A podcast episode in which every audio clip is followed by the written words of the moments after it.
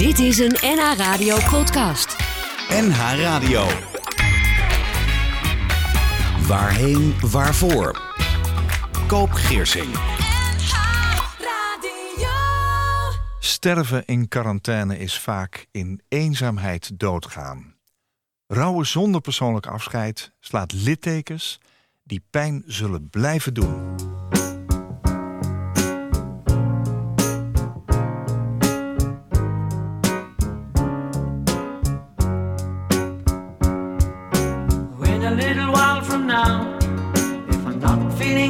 Sound, I promise myself to treat myself and visit a nearby tower. And climbing to the top, will throw myself off in an effort to make clear to whoever what it's like when you're shattered, left standing in the lurch at a church where people were saying, My God, that stuff She stood him up. No point in us remaining. As well go home as I did on my own, alone again. Naturally, to think that only yesterday I was cheerful, bright, and gay, looking forward to wouldn't do the role I was about to play. But as if to knock me down, reality came around, and without so much as a mere touch, cut me into little pieces, leaving me to doubt. Talk about God in His mercy, if He really does exist, why did He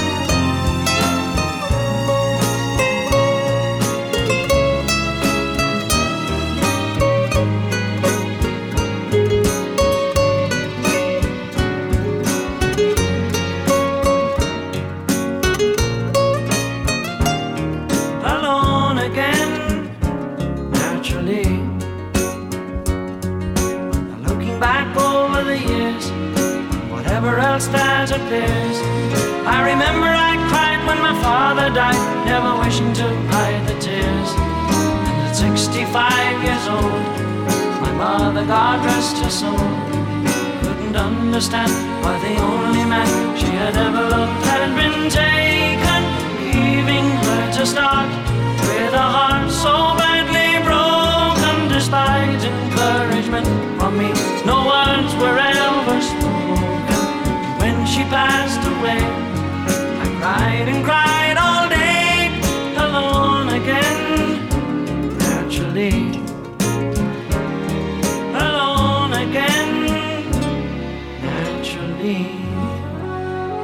is een van de meest verdrietige liedjes die ik ken. Alone Again van Gilbert O'Sullivan. Het gaat over een man die door zijn bruid verlaten wordt op zijn trouwdag. En die vervolgens ook nog eens vertelt over de dood van zijn ouders. Eenzaamheid in optima forma. En misschien is dat wel het thema van het boek dat mijn gast schreef... samen met Manu Kersen, een Vlaams klinisch psycholoog... en een veelgevraagd rouwspecialist... met wie die eerder samen een boek schreef over de dood van hun moeder. Leo Feijen, welkom. Graag, graag. Ja, fijn dat je er bent. Het was mistig vanmorgen. Het was eh, mistig vanochtend. Het was niet zo'n mooie ochtend dat je de dauw boven het land zag hangen... en dat je wist dat de zon eraan zou komen. Nee, het was wat grauw en wat mistig. Het Ja. zat dicht, ja. Jij moest uit Maartensdijk komen. Eh, het boek dat jullie geschreven hebben heet Het Wonder van de Kleine Goedheid. En heeft als vervolgtitel In tijden van eenzaam sterven en beperkt afscheid. Er staan brieven in die jij aan Manu Kersen schrijft. En vice versa over eenzaamheid na de beperking van contact door En daar komt hij, de coronaprotocollen. Wat heeft je zo aangegrepen dat je hier een boek over wilde publiceren? Nou, dat was de directe confrontatie met uh, mensen die uh, sterven. Uh, ik ga op zondagochtend geregeld voor in kleine vieringen in een verpleeghuis in Lage Vuurse. En ik zag daar dat de boel op slot ging. En ik uh, maakte daarmee dat mensen die normaal gesproken op zondag bij elkaar komen, of die door de week bezoek krijgen van buddies of van mensen die zich hun lot aantrekken, dat die dat niet meer kregen. Ik zag ook uh, dat in uh, kloosters religieuze stierven zonder dat er iemand naar ze kon omkijken. En de gewoonte daar is dat ze dan ook worden afgelegd. Dat mocht ook niet. Sterker nog, er zijn op heel veel plekken mensen gestorven zonder dat er iemand bij was.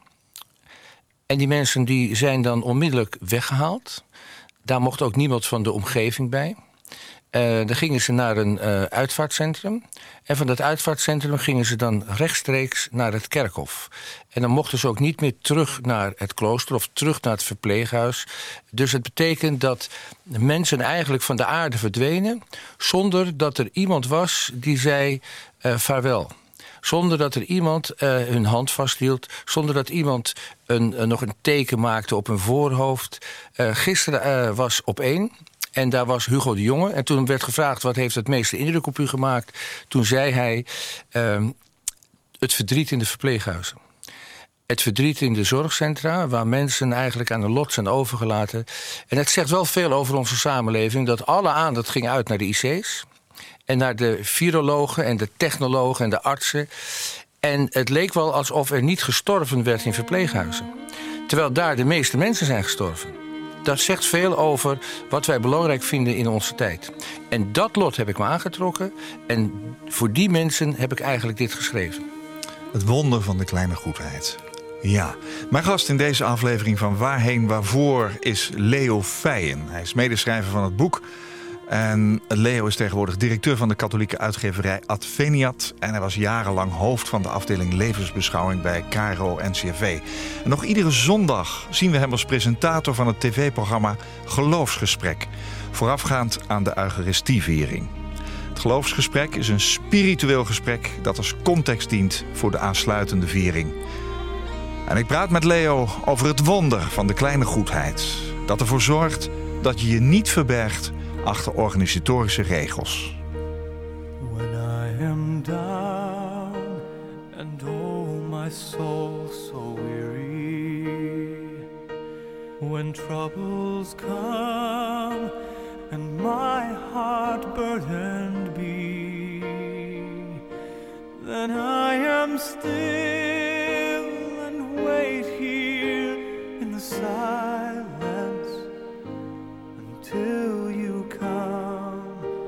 and sit a while with me. You raise me up so I can stand on mountains.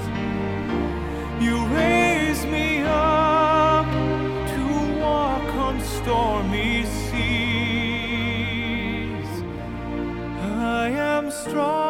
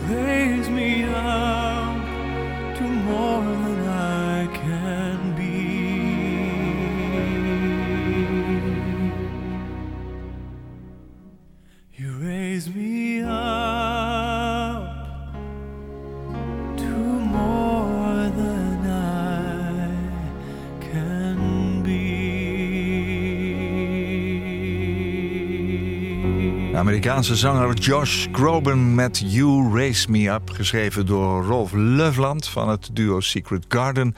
En Löfland schreef het aanvankelijk voor zichzelf... en zong het voor het eerst bij de uitvaart van zijn moeder.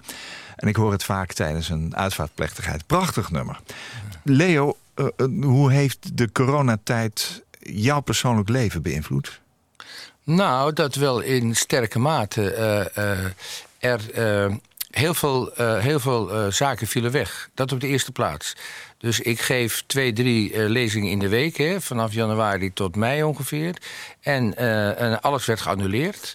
Afspraken gingen niet meer door. Er werd ook niet meer vergaderd.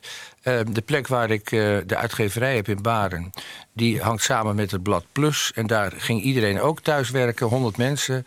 Het betekent dat ik elke dag toch nog even daar naartoe ging.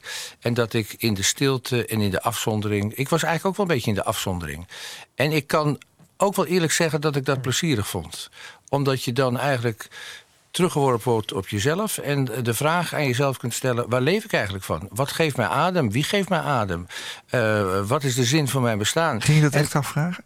Dat, ik denk dat bijna iedereen zich dat de afgelopen maand heeft afgevraagd. Nou ja, je ziet dat uh, mensen creatief gaan worden hè, daarmee. Dus de, de lezingen zouden ook via een beeldscherm kunnen? Ja, maar ik denk wel dat wij mensen zijn. Wij zijn uh, relationele wezens. En wij hebben de ander echt nodig. Uh, de ander, de ogen van de ander. En ja. daar komt ook de titel vandaan. Hè? Het wonder van de kleine goedheid. Als je in de ogen van de ander kijkt... dan wil je het goede voor de ander doen. En daarom heb je altijd de ogen nodig. En bij een Zoom-conferentie of bij een uh, teamconferentie... En je bent allemaal online met elkaar verbonden... Ja. is dat toch een stuk ingewikkelder. Ja, Zoom en team, dat zijn uh, methodes om uh, met, met de camera elkaar te zien. Dan zie je veel beeldjes voor je en kun je met iedereen praten. Maar ja, je zit en, toch en, allemaal op je eigen En, en het, het, het, het, lied wat je net liet horen... You Raise Me Up, van de man die zijn moeder verloor... Um, dat deed me denken aan het beeld van uh, wat in de gangen van het klooster van Berkel en Schot. Daar wordt latrapbier gebrouwen. Oh. En dat heeft ook helemaal stilgelegen. En uh, uh, die hebben een hele zware tijd gehad. Corona is daar ook gekomen in Koningshoeven, de abdij. En vader Abt vroeg zich ook af, hij heet Bernardus Peters. Ik was vrijdag bij hem. En hij vroeg zich ook af van ja, wat is nou nog de zin van mijn leven? We zitten hier in quarantaine, we zitten hier in isolement. Uh, een van onze monniken is gestorven, we mochten hem niet afleggen. We hebben onze belangrijkste plicht verzaakt, die van de naaste liefde. En toen keek hij naar een beeld van Maria in de gang. Maria die Christus, uh, de gestorven Christus, eigenlijk troost, vasthoudt. Maar niet, dat niet alleen, ook opricht. En eigenlijk toont aan de wereld van dit is de plicht van ons allemaal als wij willen leven, dan moeten wij stem geven aan de schreeuw van de wereld. En de schreeuw van de wereld is degene die gaat sterven. De schreeuw van de wereld is degene die uh, gediscrimineerd wordt. De schreeuw van de wereld, dat is onze taak. En dat is een besef dat tot je doordringt rondom het sterven. En heel veel mensen vragen zich ook af... waarom uh, fascineert dat sterven mij zo? Waarom heb ik juist ook weer in die coronatijd zo'n boek geschreven? Als je niet weet wat sterven is, weet je ook niet hoe groot het geschenk van het leven is. En je kunt pas bewust leven als je weet dat het sterven elke minuut uh, aan jou kan gebeuren. Dus als je in eenzaamheid sterft, dan is dat niet alleen voor degene die dat overkomt heel erg, maar ook voor degene die niet die laatste woorden kan zeggen, die troost kan bieden, die sorry kan zeggen. Ja, en, en, en, en, een soort en, schuldgevoel dat, dat, dat, dat komt ook naar voren in die briefwisseling. Um, het is zo belangrijk om die vier woorden te kunnen zeggen. Sorry. Sorry. Ik vergeef je. Ik, ik dank je, je, en ik hou van ja, je. Ja. Nog één keer. Sorry. Ik vergeef je. Ik hou van je en ik dank je. En het is zo belangrijk om degene die gaat sterven dat mee te geven. En dat niet alleen maar voor degene die gaat sterven, maar juist ook voor jezelf. Ja, Ja, je, hebt al even gezegd, hè, ehm, eh, het wonder van de kleine goedheid, dat is ook de titel van het boek, dat zorgt ervoor dat je je niet verbergt achter organisatorische regels. Betekent proberen het beter te doen dan wat de wet voorschrijft. We weten allemaal eh, eh, wat we wel en wat we niet mogen. Ik maak mee bij uitvaarten maximaal 30 mensen, mogen echt geen 31 zijn. Je moet uit elkaar zitten, met andere woorden, hè, wat je doorgaans zo nodig hebt, namelijk die, die, wat jij die relationele Ja. ervaring noemt, die heb je bijna niet bij een uitvaart. Eh, dus in plaats van te schermen met de wet, zou je ondertussen ook de concrete mens kunnen zijn.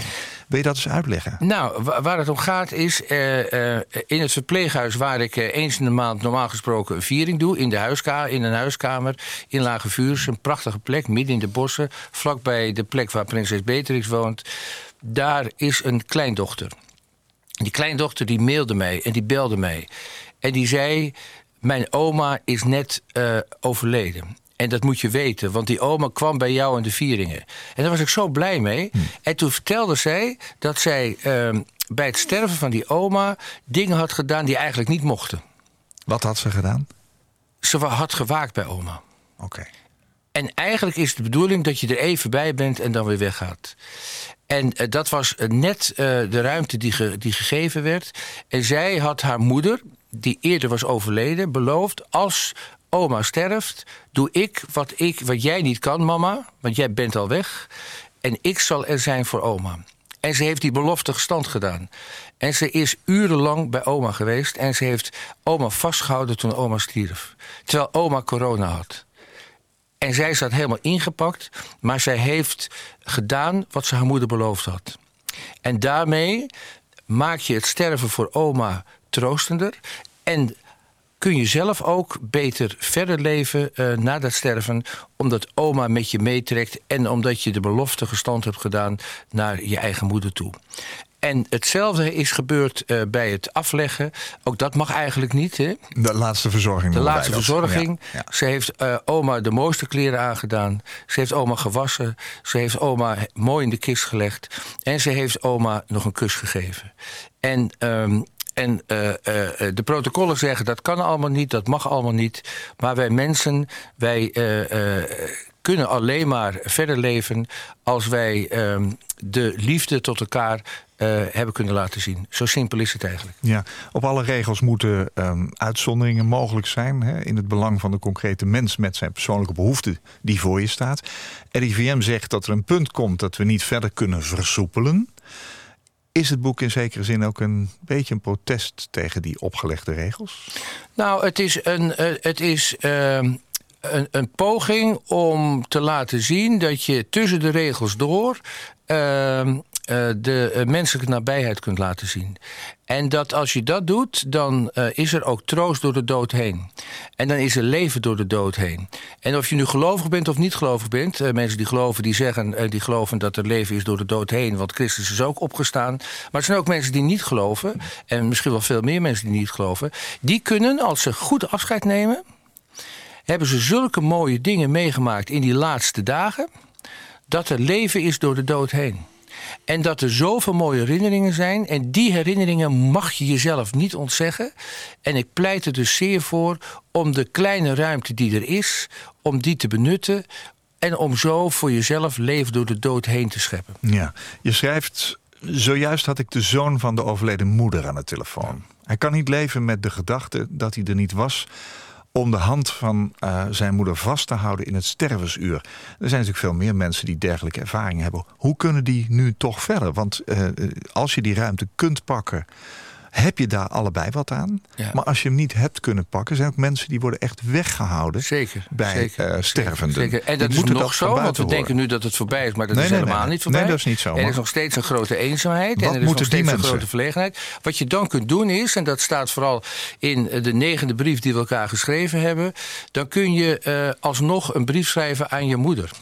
Je kunt alsnog eh, vragen aan alle mensen die eh, moeder gekend hebben, of die vader gekend hebben, of die je man of je vrouw gekend hebben, om een herinnering op te schrijven. En om dat met elkaar te delen. Zodat er een monument wordt opgericht voor degene die er niet meer is. En dan heb je ook het gevoel dat je alles hebt gedaan wat je kunt doen in de gegeven situatie om een auto te brengen aan, aan eh, die eh, gestorvenen. Ik heb dat zelf gedaan met het boekje, Het Wonder van de Kleine Goedheid. Dat heb ik opgedragen aan de tien zusters van Schijndel... die eh, eh, eigenlijk ook binnen twee weken allemaal overleden. En in anonimiteit, niemand mocht erbij zijn. En toen ik de namen van die... En het is ook goed om die namen te noemen. Ja. En om daarmee het verhaal te vertellen. En Zo begint het boek ook. hè? zo begint het boek. Ja. Tien namen van tien zusters met hun leeftijd, met de plek waar ze gestorven zijn. Toen ik dit aanbood aan de overste van de zusters van Liefde in Schijndel. Weet je wat die overste toen deed, zuster Agnes? Het was nog midden in de coronatijd. Eh, er was nog geen versoepeling. Ze liep op me af en ze omhelsde me en ze gaf me twee kussen. Oh jee. En eh, dat was op een plek waar veel corona is Ja. en was. En, en toch, dat bedoel ik nou. Als je werkelijk de namen van de mensen die er niet meer zijn wilt noemen. en een ode wilt brengen daaraan. dan doorbreek je soms alle grenzen. Ja, nou dat, dat is duidelijk. Daar begint het boekje mee. Dus als je het gaat lezen, dan eh, word je ook doordrongen van het feit dat het ook inderdaad wel heel wat is. Dit boekje wordt opgedragen aan de zusters van liefde die stierven als gevolg van coronavirus. Dan is de eerste 20 maart, dan de tweede 21, nog eentje op 21, 27, 30, 5 april, 7 april, 11 april, 12 april, 18 april.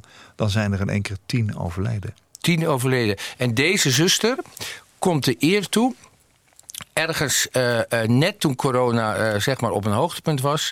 toen is er een reportage van Nieuwsuur geweest. Ja. En deze Agnes Vos, toen waren de drie zusters overleden. Ja. En zij luidde toen de noodklok. Zij is eigenlijk een klokkenluider geweest. En zij heeft gezegd... er sterven niet alleen maar mensen in de IC's... En er sterven niet alleen maar mensen eh, zeg maar in ziekenhuizen... maar er sterven ook mensen in verpleeghuizen en in kloosters. Ja, juist. Hè? Mogen we ook daar eens gaan tellen? En mogen we de namen van die mensen ook noemen? En er is geen hiërarchie van leed. Want eh, eh, als je sterft in een, op, op een IC of in een ziekenhuis, het is allemaal even erg. Maar het kan niet zo zijn dat de mensen in verpleeghuizen en in zorgcentra vergeten worden. Nee, heb je gelijk. Heb jij wel eens over je eigen verscheiden nagedacht? Vast wel. Ja. Ja, er is een, eh, een mooie plek in mijn eigen dorp, Maartensdijk. Ja. Eh, eh, want er, was daar een er is daar wel een begraafplaats, maar die is vooral gereserveerd voor de mensen van de strenge protestantse richting, de orthodoxie. Ja, maar is nog een tweede. En toen hebben wij, hebben wij een, nieuwe begraafplaats gecreëerd. en voor, voor iedereen, of je wel of niet gelooft, maar waar je ook je eigen rituelen kunt uitvoeren. Ja.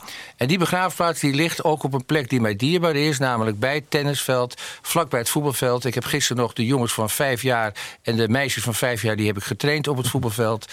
En, ehm, en daar, eh, zou, dat zou een prachtige plek zijn om gewoon voor altijd te rusten.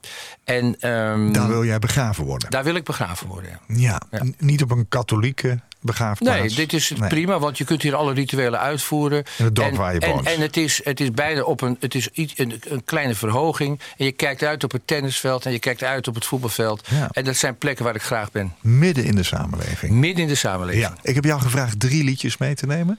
Die op jouw uitvaart gehoord mogen worden. Ja. Hoe, hoe ziet zo'n dag van de uitvaart eruit van Leo Feijen? Als het ooit een keertje zover is?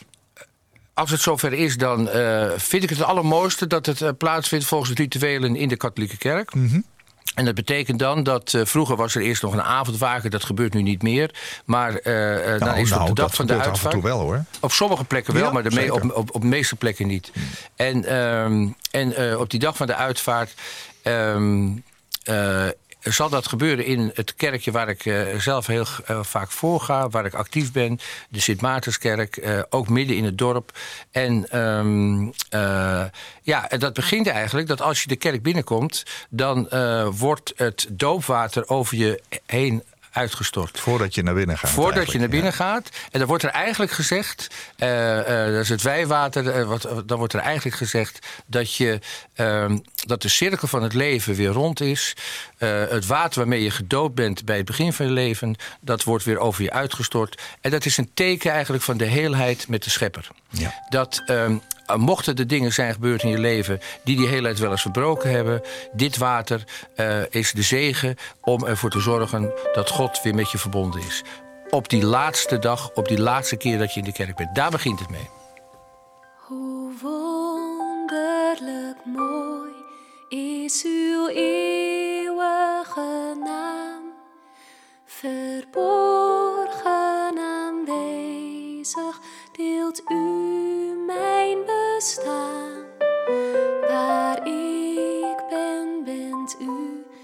warten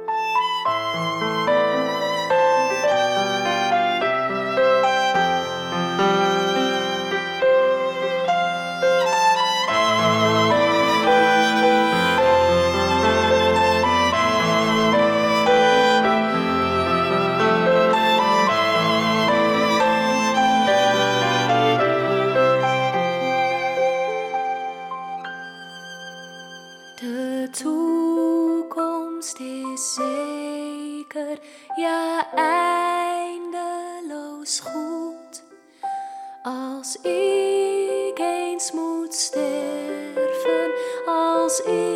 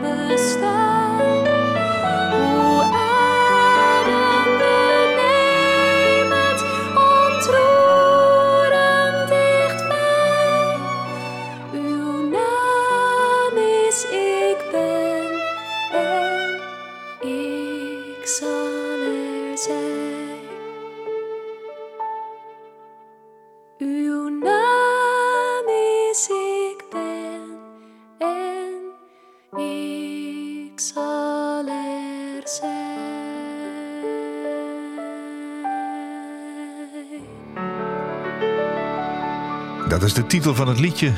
Ik zal er zijn. Cela is een Nederlandse christelijke band. Met de stem toen nog van zangeres Kinga Baan. Die een jaar geleden op 37-jarige leeftijd overleed aan borstkanker. Je luistert naar Waarheen Waarvoor op de vroege zondagochtend. Mijn gast is Leo Feijen. Uh, die schreef samen met uh, Manu Kersen het uh, prachtige boekje Het Wonder van de Kleine Goedheid. In tijden van eenzaam sterven en beperkt afscheid. Leo, jouw vader en moeder zijn beide overleden. Je schreef het jaar dat mijn vader stierf. Een briefwisseling ook tussen Leo Feijen en Anselm Grun. Dat is uit 2007. En je hebt ook geschreven Mijn moeder steeds dichterbij. Samen weer met uh, Manu Kersen. Dat heb je twee jaar geleden uitgebracht. Wat, wat heb jij als zoon kunnen doen... in het stervensuur van, van respectievelijk jouw vader en moeder? Uh, ik heb uh, meer kunnen doen dan ik van tevoren gedacht had. En dat is helemaal geen verdienste, want het is vooral de verdienste van mijn zus. Mijn zus die woonde daar om de hoek en die woont daar nog steeds. En zij zei, het gaat niet goed met moe. En uh, je moet komen. En je moet uh, uh, wat vaker gewoon je werk laten schieten. Het betekent dat ik de laatste acht weken, dat zij, ze heeft acht weken in het ziekenhuis gelegen, daarna nog een paar dagen in het hospice, ben ik er heel vaak naartoe gegaan. En ik kon alles tegen mijn moeder zeggen en zij tegen mij. Ik heb uh, daar ook voor het eerst meegemaakt dat een mens, als je de tijd neemt om machteloos aan een bed te zitten en voor de rest niet zoveel te doen, dat een mens ineens, die er zeer dierbaar is, ineens een andere kant van zichzelf kan laten zien. Mijn moeder werd zacht en teer, terwijl zij een strenge, pittige vrouw altijd is geweest. Veel kritiek op alles en iedereen. En in die laatste paar dagen zei ze ineens: Mag ik je hand vasthouden? Wil je me wang kussen? Oh, echt waar? Ja. En zij lag naakt in het bed, want zij had vaatvernauwing... wilde niet dat haar benen geamputeerd werden en dan ga je gewoon dood. Um, ze was 74, nog niet zo oud. En ze lag naakt in bed en ineens zei ze... wil je me naar de wc dragen? En ik zei, maar, ja, maar u bent naakt, dat is niet erg, jongen. En ik droeg haar naar de wc en ze zei... wil je mijn billen afvegen? En, en dat heb ik allemaal gedaan. En uh, uh, het, uh, het, het, het, wonder van het sterven is dat op de momenten van de diepste pijn je de grootste intimiteit hebt. En um, dat is de paradox ook van het sterven. Dat aan de ene kant wil je het niet en doet het pijn. En neem je afscheid van degene die je zo dierbaar is. En aan de andere kant is er een enorme kans om dichterbij te komen. En, en daarom is het ook van belang om dat om gewoon te wachten. En om te kijken wanneer de stervende inderdaad iets van zichzelf laat zien. En uh, mijn moeder heeft de tederheid en de liefde. Eigenlijk heeft ze gezegd wat ze haar hele leven niet gezegd heeft tegen ons kinderen: ik hou van je. En dat zei ze door eigenlijk zich in al haar kwetsbaarheid te laten zien. En mijn zusje zeiden later: waarom heeft ze dat niet eerder gedaan? En waarom heeft ze ons dat niet uh, langer meegegeven? En toen heb ik gezegd: vind ik niet zo irrelevant. Als een mens dat maar doet, al is het op de laatste dag dat hij sterft, of dat hij leeft, al is het die laatste dag voor het sterven. En dat is de waarde van de nabijheid eh, bij een sterfbed. En mijn vader, eh, ik heb één ding heb ik niet goed gedaan bij mijn moeder. Uh, mijn moeder die, uh, uh, die heeft zoveel dingen gezegd tegen me... dat ik dacht, dat vergeet ik nooit meer. En alle mensen die dit, uh, die dit horen, die zou ik willen zeggen... schrijf af en toe op wat er gebeurt. Niet hoe niet je gedaan? voelt, maar schrijf op wat er gebeurt. Want je vergeet dingen. En uiteindelijk haal je dingen door elkaar. Welke arts zei wat. En, en bij mijn vader had ik een kladblokje... en ik schreef, uh, schreef af en toe op wat er gebeurde. En uh, het meest opmerkelijke bij mijn vader was... dat de dag voordat hij stierf, werd ineens 's ochtends gebeld. Hij werd af en toe wakker uit zijn slaap. En werd gebeld. Ik dacht dat is de huisartsenpost. En het bleek uh, een vrouw te zijn die de weg kwijt was... en de hele nacht door Heemstede had gezworven. De kleren omgekeerd, ze was helemaal koud. Ik heb daar neergezet. Hier lag mijn vader te sterven voor het raam van de tuin. En twee meter daar vandaan zat een vrouw die wij niet kenden... en die ook ochtends om half zes had aangebeld. En die heeft daar uren gezeten totdat de politie haar heeft opgehaald. En natuurlijk hebben we er koffie gegeven en wat boterhammen gegeven. En dan krijg je het hele gekke scenario... dat een stervende vader tegenover een vrouw zit die wij niet kennen. Hoe kun je het verzinnen? In een film zou je zeggen, nou, is een beetje dik erbovenop... maar het is echt gebeurd. Dit ga je nooit meer vergeten ook. Dat denk, dat denk je dan. En toch heb ik er maanden niet aan gedacht. Maar omdat ik het opgeschreven. En maanden later, op mijn verjaardag, toen dacht ik... pa zou nu komen en eh, het zou de eerste verjaardag zijn dat hij er niet bij was. Toen heb ik mijn bloknootje erbij gepakt. En toen gelezen, gelezen, dacht ik... oh, dat moment. En op het moment zelf zag ik het niet. Maar als je de dingen opschrijft, maanden later zie je het wel. En toen dacht ik, mijn vader wilde eigenlijk maatschappelijk werker zijn. Hij heeft heel veel voor mensen gedaan die niet zoveel hadden. En wat gebeurde er op zijn sterfbed? De Ja. meest zwakke, Ja. een dementerende vrouw, kwam op bezoek. Het was, het was eigenlijk zoals hij ten diepste had willen leven. Hij is altijd stukken door geweest. Het was eigenlijk zoals hij ten diepste had willen leven. En is dat niet een mooi beeld vlak voor het sterven? En als je dingen opschrijft en erbij bent, dan zie je soms pas maanden later wat de betekenis daarvan is. En dat troost je door de dood heen. Ja. Wat, wat, wat heeft hun sterven met jou gedaan? En hoe kun jij verder? Of hoe kon je daarna verder? Nou, deze, deze eh, gebeurtenissen en deze herinneringen en deze nabijheid zorgen ervoor dat ik in een auto kan zitten en dat eh, het allemaal zo nog terug kan zijn. Eh, mijn, mijn moeder is eh, gestorven in 2005, dat is nu 15 jaar geleden. Mijn vader in 2007, 13 jaar geleden. En neem van mij aan, en iedereen die, eh, die daarin werkt, en dat weet jij ook, en dat weten ook mensen die zeg maar, aan een sterfbed hebben gezeten. 13 jaar en 15 jaar is soms één dag. Er hoeft maar één ding te gebeuren en je bent terug aan het sterfbed. Ja.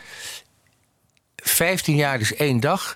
En dat betekent dat, je het, dat het belangrijk is om het goed af te sluiten, want dat troost je door de dood heen. En ik heb daarna gedacht. Als, er ergens, als ik ergens betekenis kan geven aan het leven van mensen, dan is het in dat laatste stuk. Dus daarom ben ik graag in het verpleeghuis. Daarom doe ik geregeld uitvaart in onze kerk. En daarom heb ik nog maar twee weken geleden aan iemand in onze, eh, in onze een uh, ziekenzegen gegeven. En dat is een klein ritueel dat mensen die geen priester zijn mogen geven. En want het heeft te maken met uh, een, een, kruisje wat je maakt. Je bidt samen, je, je bidt een psalm samen. En je ontsteekt het licht van Sint Maarten. En je geeft de communie aan iemand.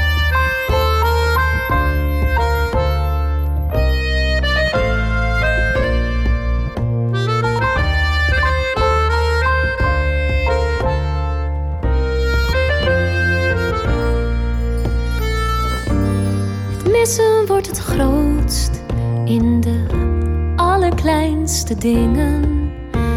En broodjes smeren ochtends of 's avonds zacht voor jullie zingen. En jullie op mijn schoot als we even samen praten of zwijgen naar elkaar met mijn hand door jullie haren.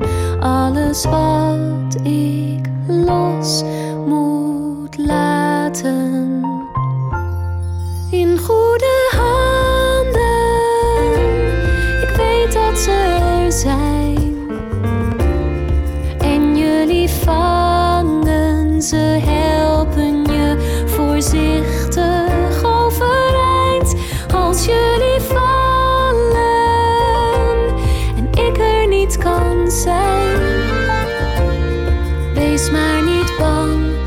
want jullie in goede handen zijn.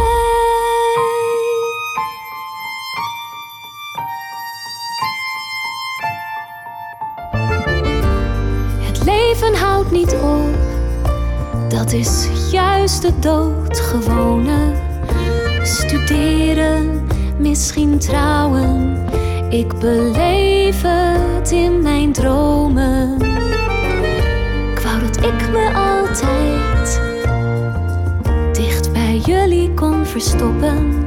En dan stilletjes genieten van hoe jullie zouden worden. Maar ik moet het los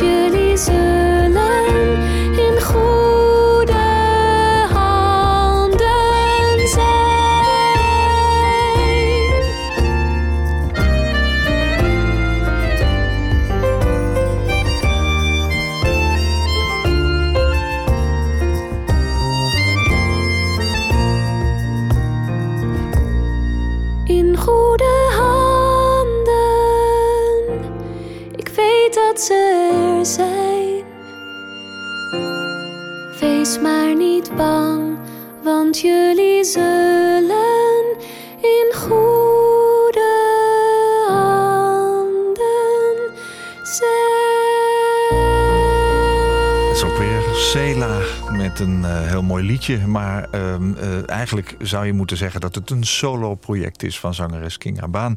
In goede handen. Nou, in mijn handen heb ik het boek Het Wonder van de Kleine Goedheid. Het is uitgegeven bij uitgeverij Adveniat.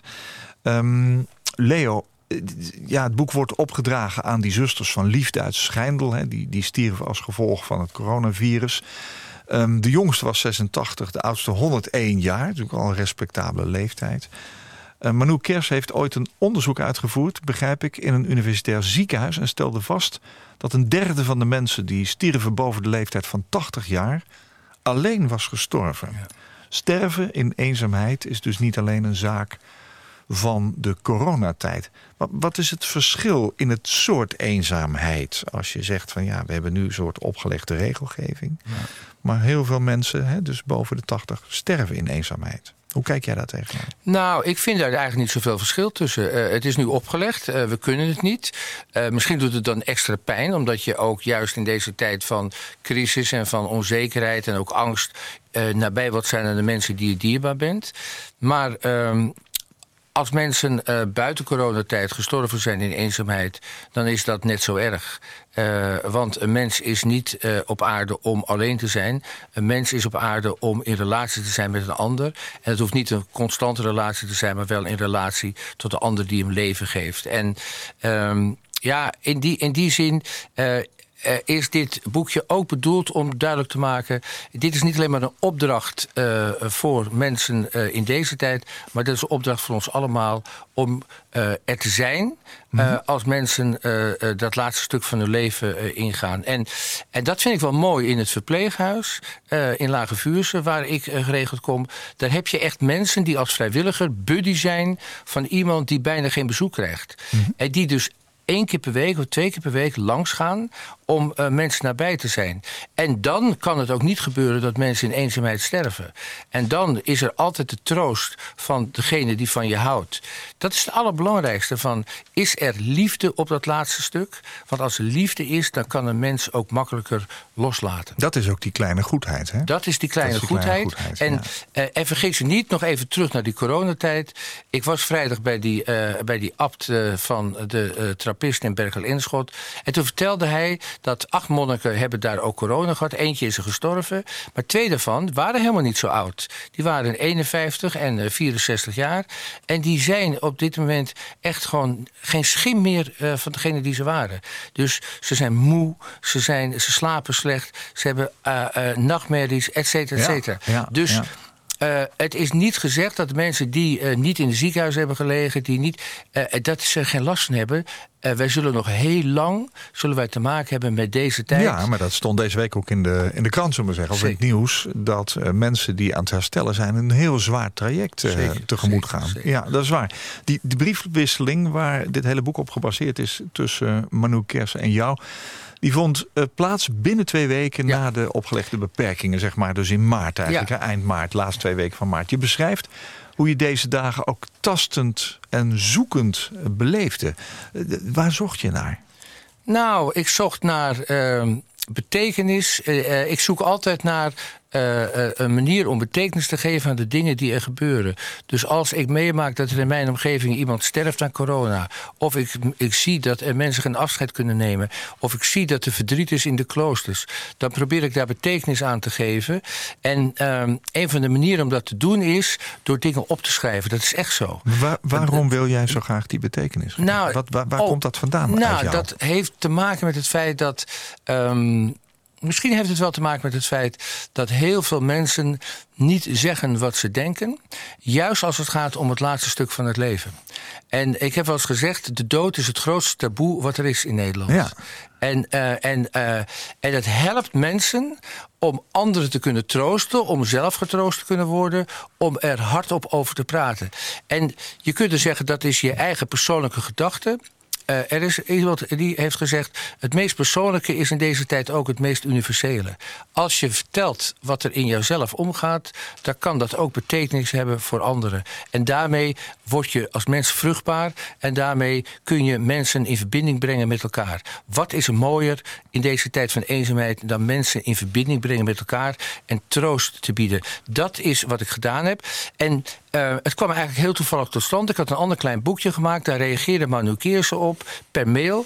En, eh, toen, zei, en toen dacht ik ineens van ja, maar... eh, Vind jij het goed als wij gewoon elke dag? Elke dag. Maar er gebeurde ook veel in die periode. Ik was bij een uitvaart. Ik zag hoe mensen verdriet hadden. Eh, ik eh, zag wat er gebeurde in het verpleeghuis. Ik zag wat er gebeurde in de kloosters.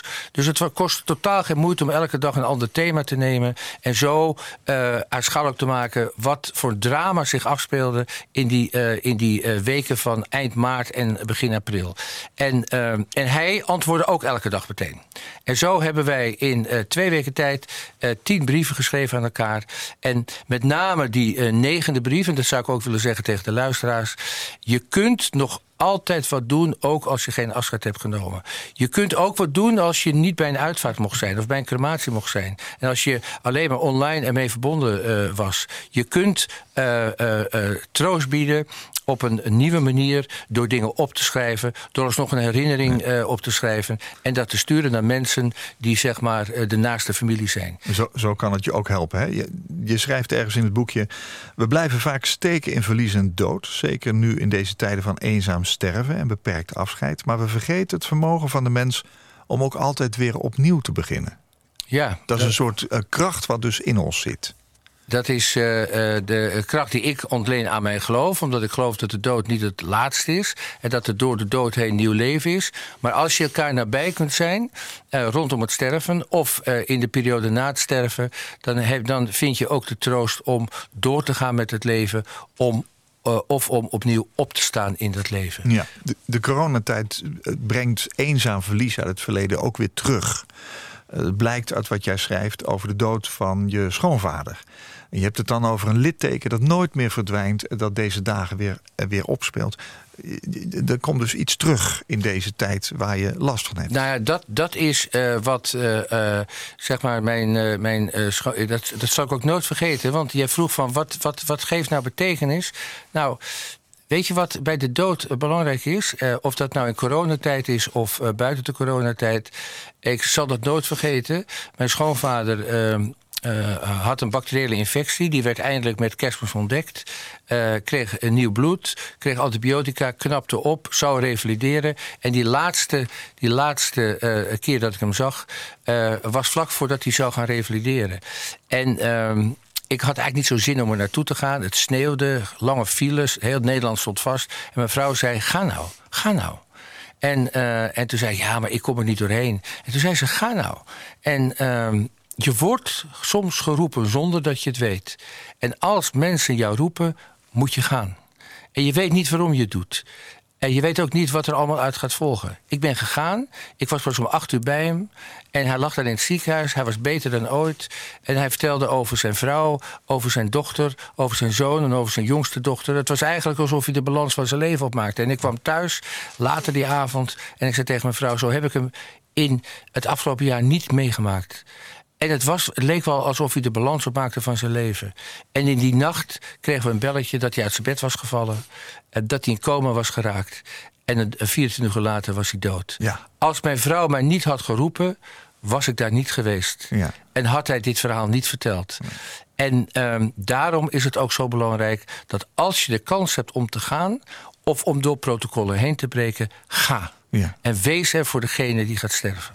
Je bent gegaan, je hebt het ook gedaan. Je werd ook eerder geroepen door je zus. Dus je hebt ook wel af en toe een roep nodig, denk ik. Je, je, eh, ieder, mens, ieder mens wordt geroepen. Ja, dat is ook zo. Ehm, drie liedjes heb je meegenomen. We hebben er twee laten horen. Ehm, toen zei je van ik wil heel graag in Paradisum. Dat is een vrij kort stuk. Ja. Maar dan wel Gregoriaans. Gregoriaans. Wa- Waarom? eh, eh, de- Dus de- Latijn de- is dat, hè? Nou, de, de, de, meeste, eh, de meeste mensen die bij ons worden weggedragen uit de kerk, die horen dit als laatste. En eh, dit is een eh, klassieke, klassiek zang. En we zingen eigenlijk dat de engelen ons begeleiden naar het paradijs. En in de katholieke kerk geloven we dan ook altijd dat met het doopwater en met het wierook, eh, dat als een gebed opstijgt naar de hemel, dat zeg maar wij, wij de doden aanbevelen bij God. In paradisum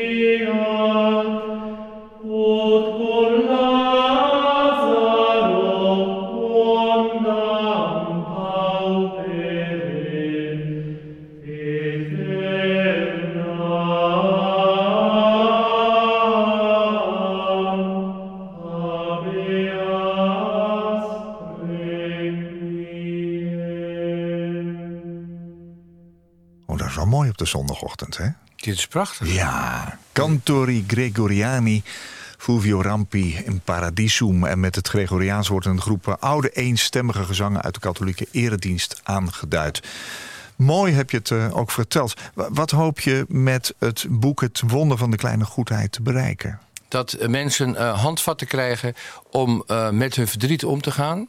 En dat eh, eh, als er nog nieuwe situaties van eenzaamheid zijn of van eh, afscheid in beperkte kring, dat mensen de ruimte benutten die er wel degelijk is om goed te doen, juist in dat eh, laatste stuk van het leven, of als degene die je dierbaar is al gestorven is.